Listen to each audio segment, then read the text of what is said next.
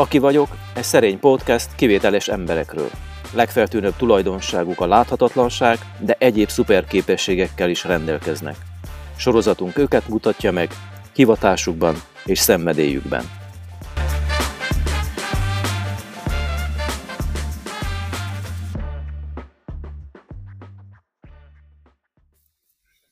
Mai vendégünk Gyarma, Gyarmati Katalin, és most ezt újra kezdem, látod? Mai vendégünk Gyarmati Katalin, megoldásfókuszú tréner és gyermekvédő. Szia! Szia! Kati, szólíthatlak így a Kati, ugye? Persze. Jó. Uh, Kati, trénerkedsz, mediátor vagy, gyerekvédelemben dolgoztál, uh, de hogy a, most a jelenlegi fő hangsúly a tevékenységeden az a, az a trénerkedés. Egy képzés mit tud adni neked? Amikor te tartasz képzést, az neked mit tud adni? Hát az utóbbi időben rengeteg képzést tartottunk, a cégtársammal együtt, meg más trénerrel is, úgyhogy most, most így június vége fele azt mondanám, hogy elsősorban fáradtságot, meg kimerültséget, mert én nagyon elfáradtam benne. Másrészt viszont, amit nekem tud adni, az az, hogy én nagyon-nagyon szeretem azt látni, hogy bejönnek emberek az utcáról, és tényleg random emberek az utcáról, tehát nagyon sokszínű célközönségünk van. A tanárok, rendőrök, BV-ben dolgozó szakemberek, gyerekotthonban dolgozó szakemberek, érdeklődők, tehát hogy így tényleg mindenféle területen dolgozók, őket összerakjuk egy random csoportba, mondjuk ott vannak 12-en, sose látták még egymást, és eltelik, nem tudom én, másfél óra, és már olyan személyes dolgokat osztanak meg magukról, az életútjukról, a vágyaikról, hogy, hogy mindenki csak így pislog és meglepődik, és visszajelzi a végén, hogy wow, ezt hogy csináljátok, hogy azonnal, azonnal így egymásra talál, de tényleg így bárki, akit így összeteszünk. Úgyhogy ez ilyen nagyon energetizáló, meg, meg lelkesítő, meg van értelme csinálni. Úgyhogy és hogy csinálják? A szabad műhelyt kérdezni. Hogy csináljuk? Igen. Hogy... Hát szerintem két fontos dolog kell hozzá. Az egyik az az, hogy elhisszük azt, hogy bárki jön hozzánk, és a bárki alatt mondjuk a fiatalokat is értem, ők képesek mondjuk egy beszélgetést vezetni instrukciók alapján, és arra gondolok, hogy nem magyarázzuk túl, tehát nem úgy néz ki a tréningünk, hogy elmondunk egy másfél órás prépítés elméletet valamiről, és aztán azt kipróbáljuk a gyakorlatba, hanem azt mondjuk, hogy sziasztok, többnyire még bemutatkozni is elfelejtünk, adunk nektek egy kérdéssort, itt van tíz kérdés, és most te leszel az, aki kérdező, kócs, bármilyen, tudom éppen, amit tanulunk, abban a szeremben leszel, segíts a párodnak átgondolni a számára fontos dolgokat, és bemennek egy breakout roomba, vagy a Zoom-on tartjuk ezeket a tréningeket, és úgy jönnek vissza, hogy ú, azt a, de jó volt ez. Tehát, hogy van, megvan ez a bizalmunk, hogy ezt meg tudják csinálni az emberek, tehát ez a pozitív előfeltevésünk, hogy képesek rá, és akkor meg is tudják csinálni. Tehát szerintem ez az egyik, ami, ami ezt elősegít, hogy azonnal megtalálják a hangot. Másrészt pedig nem adunk teret a panaszkodásnak, ventilálásnak, mivel megoldásfókuszú eszközökkel dolgozunk, ezért azt keressük, mi az, ami működik, és az hogyan csinálod, milyen erőforrásaid vannak hozzá, hogy néz ki a vágyott jövőd, azt hogyan fogod elérni. Tehát, hogy ilyen, ilyen típusú kérdésekkel ezzel a perspektívával dolgozunk. Így, hogyha nem tudom én, összerakunk 12 rendőrt vagy 12 tanárt, akkor se arról beszélnek, hogy úristen, mennyi gond van, és jaj, de nehéz minden, hanem arról beszélnek, hogy ezek az erőforrásaim, és ezek azt teszik lehetővé, hogy én nem tudom én ezt meg ezt meg ezt elérjem. Ez, ez a két dolog szerintem. Valamiért az jutott, beugrott egy kép, sokszínűség megragadta a figyelmemet, hogy amikor és legutóbb az volt, hogy szabadságtervet kellett csinálnom, és be kellett jelölni valami színnel, és ilyenkor földob egy csomó színt, ugye, és választani kell köztük, és úgy mindig elgondolkodok, hogy milyen színt használjak. Te ezzel hogy vagy? Ráböksz arra, vagy pedig, vagy pedig válogatsz, hogy melyik szín legyen?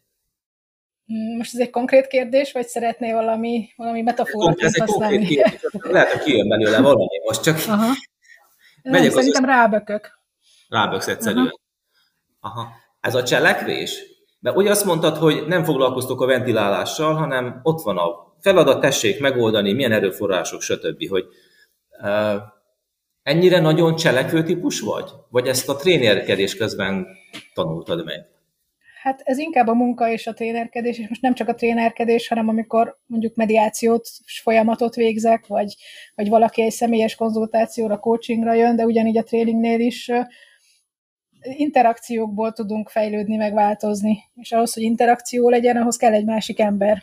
Tehát, hogy rengeteget ad hozzá, hogyha ha egy másik embernek mondja el a résztvevőnk, vagy éppen az ügyfelünk azt, hogy mit szeretne, sokkal erősebb, mint hogyha otthon leül és végig gondolja. Tehát sokan mondják azt, hogy hát én annyit gondolkodok, hogy nem tudom, mit szeretnék öt év múlva, de, de aztán kiderül, hogy mégse. És abban a pillanatban, hogy bekerül egy idegennel egy breakout roomba, és az a, az instrukció, hogy tegyük fel, hogy a következő öt év az úgy alakul, ahogy számodra lehető legjobb, hogyan néz ki az életed, és ezt hogyan érted el, és mire vagy a legbüszkébb, és ezt hogyan csináltad, akkor egy olyan képet kap az öt év múlvai életéről, ami egyrészt tényleg arról szól, hogy ő mire vágyik, meg mit szeretne, másrészt megvalósíthatóvá válik.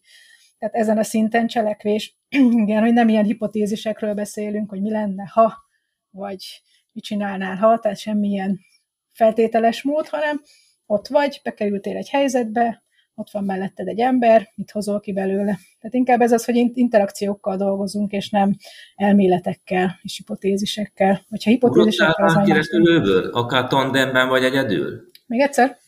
Ugrottál már ki repülőből, akár tandemben vagy egyedül? Nem, és soha nem is fogok.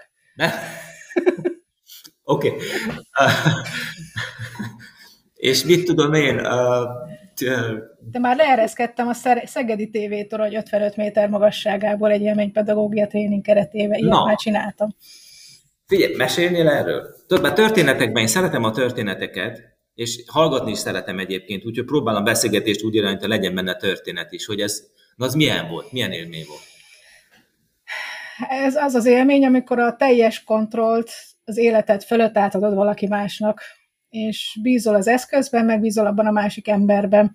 Tehát ez nem úgy néz ki, hogy én nekem effektíve azon kívül, hogy áttépek egy korláton, és ezt most érzi idézőjelbe, tennem kellett valamit, hanem az, amikor azt mondja, hogy én rádadom a, a beülőt, te hidd el, hogy az rendesen rajtad van, én rád akasztom a kötelet, te hidd ezt, hogy ez a kötél el fog téged bírni, és mindent, ami, ami itt történik, ő fogja kezelni a csörlőt, amivel, amivel leengedte, hidd azt, hogy ő, hidd el, hogy ő ezt tudja csinálni.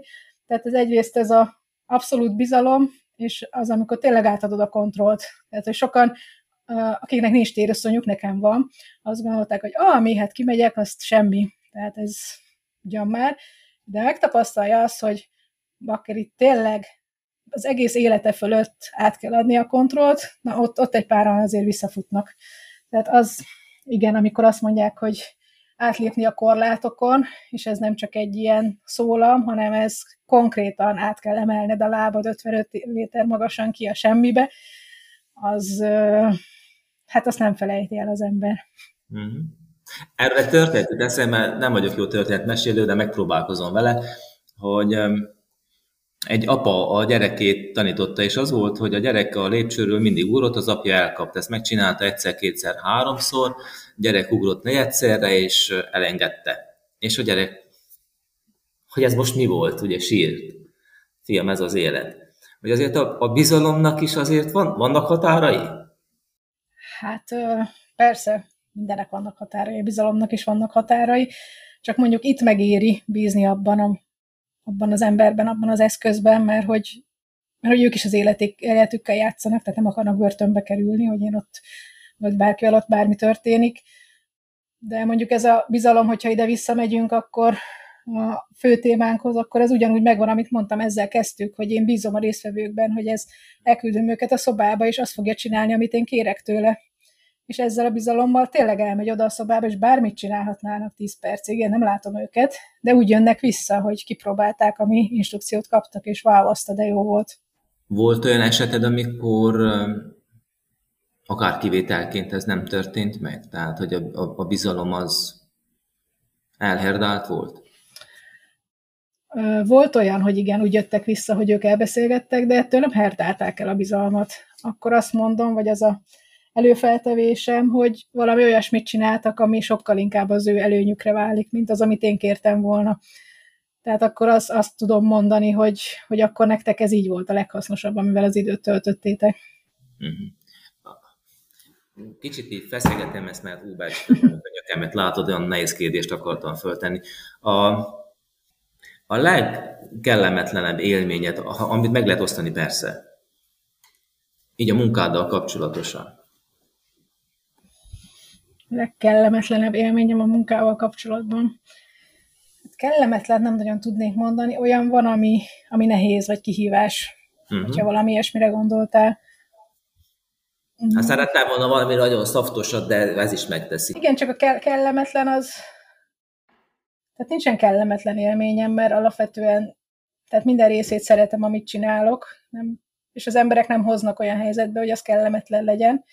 Olyan, olyan mondom van, ami nehézség és kihívás. Nagyon sokat dolgozunk börtönben, javítókban, például szabadulás előtt álló fogvatartottakkal, és mondjuk főleg így a, a, a javítóintézetre gondolva, vagy a fiatalkorúak börtönére, amikor egy ilyen tizenéves ül előtted, és, és mesél arról, hogy úristen, milyen horror sztorikon ment át, és tényleg ebben a rövid életben is olyasmiket tapasztalt, ami, amiket én kiváltságosnak mondott helyzetben soha az életben nem fogok, és nem is, tehát hogy nem, nem volt rá lehetőségem se, hogy ilyesmit megtapasztaljak, és ez most nem egy jó dolog, de hogy, de hogy tényleg amikor nem attól, nem, nem amiatt csinál ő valamit, mert annak született, hogy ő most bárkinek ártani akar, vagy bűnözni akar, hanem egyszerűen olyan körülmények közé került, hogy nem volt más lehetősége. Mert ezeket véghallgatni, és ezzel jól bánni, és jól ott lenni nekik, az, az, az, az, az kihívás. Tehát, hogy az, az, az nem megy csak így csípőből, vagy, vagy nem tudom én, nem, az nem egy ilyen kávé melletti csevegés. Figyelj, amit egy, egy történetet, csak tényleg ami megosztható, persze nem azonosítható be, stb., amit hazavittél, mert ott nem, tudom, hogy hazavisszük mindig, de ami, ami úgy nagyon annyira nyomot hagyott, hogy még most is benned van. Egyet, egy ilyen történetet. Hmm. Ez egy fiatal lány volt, akivel már kétszer beszéltünk, és ez is megoldásfókuszú beszélgetés, tehát a jövőjéről beszélünk, hogy mit szeretne elérni, milyen erőforrásai vannak hozzá, hogyan fogja meg mindezt megvalósítani. Tehát abszolút ezen van a fókuszunk, és nem, nem a múlton, tehát nem kérdezgetem arról, hogy mi történt, de hogy ő nagyon el szerette volna mondani, tehát hogy valami lógott a levegőben, amit én nem, nem nagyon tudtam megfogni, és hogy azt vettem észre, hogy elkezdte a, a kezén a tetoválást simogatni, elég feltűnően. Tehát így, mintha így az orrom elé tolta volna, ez személyes beszélgetés volt. Úgyhogy nem szoktam ilyet csinálni, de egy konkrétan rákérdeztem, hogy mit jelent ez neki. És, és akkor elkezdett valamit mondani, valami teljesen oda nem illő dolgot, közel nem volt a tetováláshoz, és hogy az lett a dolognak a lényeg, egy három mondat után már arról beszélt, hogy az ő volt párja, az őt hogyan kínoszta, és csapkodta a fejét a falhoz, és nem tudom én, cigicsikeket hol nyomott el rajta, és hogy ő ebből hogy állt föl, milyen mélyre került, és, és hogy állt föl, ami így, tehát így a semmiből érkezett meg hirtelen, de hogy így nagyon-nagyon ki, ki akarta oda tenni, és akkor miközben hallgattam, gondoltam, hogy, hogy oké, okay, de akkor én most itt ülök, akkor én ezzel most mit tudok kezdeni? Tehát nem tudok visszamenni, nem tudom meggyógyítani, nem tudom meg nem történté tenni, nem akarom sajnálni, tehát amit csinálni tudtam ebben a helyzetben, az az, hogy, hogy biztosítottam neki a lehetőséget, hogy ez elmondható, meg túlélhető. És akkor azt mondom, hogy egy kicsit előrehajoltam, azért mindig megvan bennem, és akkor azt mondtam neki, hogy, hogy fú, hát ezt így még végighallgatni is nehéz volt, ez hogyan csinálta, hogy, hogy mindezen keresztül ment, és most itt ül előttem, és mosolyog, és arról beszél, hogy hogy, hogy lesz a jövője, és mit szeretne megvalósítani. És akkor így sikerült átfordítani oda, hogy, hogy utána arról beszéltünk, de hogy ez egy ilyen nagyon Hát egyrészt ilyen nagyon tanulságos pillanat volt, hogy itt is megjelenik a bizalom, hogyha az ügyfél el akarja mondani, akkor, akkor el fogja mondani, hogy mi az, ami, ami benne van, anélkül, hogy én rákérdeznék, és faggattam, hogy na, meséld már el életed legnagyobb horror sztoriát. Másrészt, hogy jól kell ezekre a jelekre figyelni, hogy, hogy jól kell őt látni, meg észrevenni az, hogy, hogy, hogy mi van benne. De, de ezt, ezt abszolút hazahoztam, tehát hogy ezután a beszélgetés után egyrészt borzasztóan elfáradtam, másrészt nem olyan sokáig dolgozott bennem, mi is történt ott, és hogyan is történt. hogyan bírható ez az áll, mert ez, ez a munka az állandó figyelemmel jár. A legalapróbb rezülésekre is gondolom figyeltek. Hogyan bírható ez az állandó, tehát állandó, nem állandó nyilván, de amíg ott vagy, az vagy. Ez az állandó készültség, érzékenység. Hát a tréningeken egyrészt hiszünk a folyamatban, tehát tudom azt, hogy a folyamat akkor is nagyon jól működik, ha, ha én mondjuk csak 60%-on mozgok. Tehát nem, nem rajtam van a hangsúly egy tréningen, hanem a, a résztvevőkön, meg az interakciókon, meg azon, ami történik. De, de nagyon fárasztó 9-től 4-ig napokon keresztül az előtt ülni, és, és újra meg újra elküldeni őket, visszajönnek, reflexió, mit tanultál ebből, hogyan volt hasznos, az hogyan fogod használni, tehát hogy ez, ez, ez igen, ez nagyon fárasztó, viszont az segít, ha hiszünk a folyamatba, tehát tudom, hogy, hogy a térbeli skála az egy tök jó eszköz, és hogyha én 60%-os vagyok, az akkor is egy tök jó eszköz, és wow élmény lesz nekik. A személyes beszélgetéseknél pedig, pedig sokat segít ez, hogy, hogy megoldásfókusszal dolgozunk, tehát hogy tényleg a, a az Insu Kimberg mondta, hogy az erősségeikben szólítsuk meg a másikat, és hogy így dolgozunk, hogy az erősségeikben szólítjuk meg, ami őket abszolút energetizálja. Most képzeld el, hogy a börtönben javítóban hányszor kérdezik meg a fogvatartottakat, meg a nevelteket, hogy milyen erőforrásaid vannak, mondjál tizet, amiben jó vagy. Tehát ez abszolút egy ilyen, fú, tényleg, akkor nekem van, van ilyenem, úristen, lehetek én is jó valamiben, tehát ez abszolút egy ilyen pozitív energetizáló dolog. Ez nagyon sokat segít, hogy nem, nem vekengünk, meg nem a mocsárban tapicskolunk együtt, hogy jaj, de nehéz az élet, hanem azt mondjuk, hogy most nehéz az élet, tényleg, tehát itt vagy, börtönben vagy, javító vagy, gyerekotthonban vagy, tehát ugye gyerek szakellátásban élő gyerekekkel is ugyanígy beszélgetünk, most ez van, mi az, amit ebből ki tudsz hozni. Például volt egy fiú az, a, a, az egyik gyerek otthonban, aki lakásotthonban él, és azt kezdte elmondani, hogy hát ő már 16 éves, és hogy, és hogy milyen nehéz az, hogy nem ehet akkor, amikor akar, mert ugye megvan az étkezésnek az ideje, nem viheti el a szobájába, tehát egy csomó korlát van, ami, ami, ami annyira nem szeret, de hogy ezt egyrészt kimondhatja, és, és elismerjük, hogy ez tényleg, tehát ez, senki se örülne neki, ha, ha úgy kéne élnie, hogy nem ehet, amikor akar, de most ez van, ő ebben él, mi az, ami mindezzel együtt, de mégiscsak jól működik, mi az, ami mindezzel együtt, de mégiscsak jól működik neki ott a gyerek otthonban, mit tanulott, mi az, ami, ami őt előre viszi, onnan hova tud tovább lépni. Tehát egyrészt ez a kimondhatóság, másrészt meg, hogy megkeressük, hogy hova tart, ez, ez nekem is könnyebbé teszi a beszélgetéseket, és így viselhetőbb. Föltűnt nekem, többször utaltál a hitre, és a bizalom is ugye azért, a bizalom az nem tudáson alapul, ha jók nekem az ismereteim, nagyobb részt, Ugyanakkor mégiscsak egy olyan szakmába dolgozol, ami valamiféle tudást ad. Jó, lehet nem lexikális tudás, de valamiféle tudást ad. Ez a, hogyan lehet összeegyeztetni a, a tudásra való törekvést, és az, hogy az egész a hiten meg a bizalmon alapszik. Hogy? Mhm. És inkább tapasztalatot mondanék, tehát tapasztalaton alapul. És és ami beválik az ez, hogy, mint mondtam, interakciókkal dolgozunk, tehát beszélgetni küldjük el az embereket, és azt is tudjuk, hogy olyan emberek jönnek hozzánk, és most így főleg a képzésekre gondolok, akik beszélgetésekben vannak, tehát nem tudom, egy tanárnak, egy BV szakembernek is a beszélgetés az eszköze, tehát elismerjük egyrészt azt a tudást, amivel ők már ebben valamilyen rutint szereztek, ugyanúgy jönnek pszichológusok is például, Viszont ilyen kísérletezni hívjuk őket, hogy eddig így csináltad, nézd meg, hogy mi lesz a hatása, ha így csinálod. Tehát felkínálunk egy más lehetőséget. Nem mondom azt, hogy ez a Szent Grál, és fú, akkor minden helyzetben mindenkinek így kell csinálnia, mert nem, de ennek is megvan a helye, meg, a, meg az, hogy, hogy hol, nagyon, nagyon hasznos, meg hatékony. Nézd meg, hogy mi fog történni, hogyha ezt kérdezed meg, és nem azt. Tehát, hogy ezeket a lehetőségeket kínáljuk föl, és ők kipróbálják, és úgy jön vissza, hogy wow, ha ez nekem ilyen fantasztikus élmény volt, nem tudom én ebben a beszélgetésben részt venni, akkor el tudom azt képzelni, hogy a saját munkámban itt, meg itt, meg itt hasonlóképpen fogom csinálni, mert tudom, hogy a másiknak is ugyanilyen fantasztikus élmény lesz.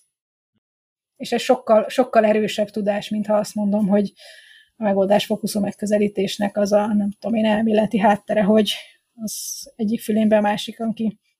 De ha elküldöm őket egy interakcióba, akkor, akkor az ilyen wow. Hmm. Ha már beszélgetés,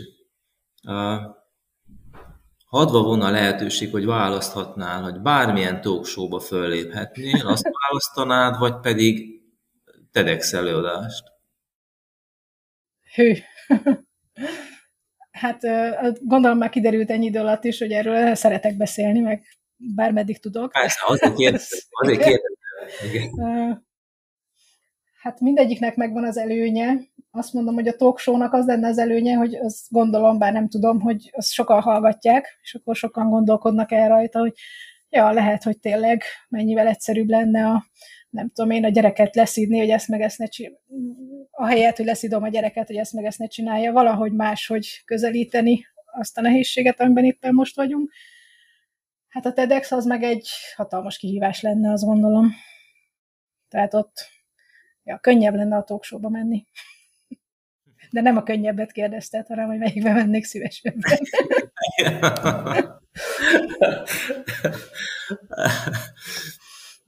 a már a könnyebb, tudod, megint az jutott eszembe, kevestem szinte azt a kérdést tettem fel, hogy mivel lőnél szívesebben, sörétes puskával, vagy, vagy mondjad már ezzel a mesterlő összeklőnek ezzel a távcsöves puskával. puskával. Ez egy kicsit túlzás lenne ebben most a beszélgetésben, hanem inkább azt a kérdést eszembe, csak nagyon elrugaszkodott, hogy uh, régen kézzel vetettek, tudod, át volt egy általvető, benne volt a gabona, és is szórták a, a, a, a gabonát, hogy neked meg szimpatikus ez a fajta vetésmód, vagy pedig az, ami most van, hogy vetőgéppel mennek, szépen az egyenként leteszi a szemet, és úgy mennek.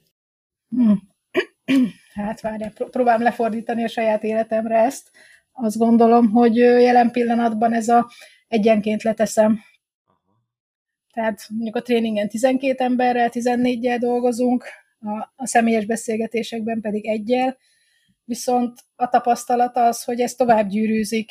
Tehát, hogyha azt az egy embert, az tényleg úgy, úgy sikerül megszólítani, akkor az tovább fogja adni. És hogy erről van tapasztalatunk a, a börtönben, hogy visszamegy az árkába, és elmondja, hogy milyen volt, és aztán jön a kérés, hogy ő is akarja. A szakellátásban élő gyerekeknél is, hogy már úgy jön a, a, a barátja, hogy igen, igen, ő is itt volt, és hogy nagyon jól, jó volt neki, úgyhogy én is jöttem. És hát nagyon szeretném azt hinni, hogy amikor szakembert képezünk, akkor ő a saját területén aztán így rengeteg, rengeteg pozitív hatást fog elérni. Egy utolsó kérdés. Ha a munkádnak szint kellene adni, milyen szint választanál?